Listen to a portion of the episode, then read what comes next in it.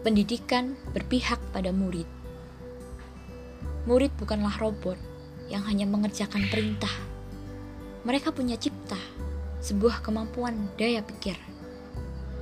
Mereka punya karsa, sebuah kehendak dari hatinya. Dengan keduanya itu, mereka bisa menghasilkan karya. Murid bukanlah robot yang sepenuhnya diciptakan. Mereka punya kekuatan. Mereka mengatur hidup.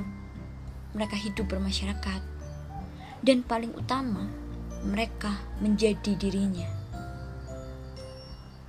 Guru hanyalah menuntun ke arah yang benar, ke jalan yang tepat. Karena pendidikan diadakan agar murid meraih keselamatan dan kebahagiaan yang setinggi-tingginya.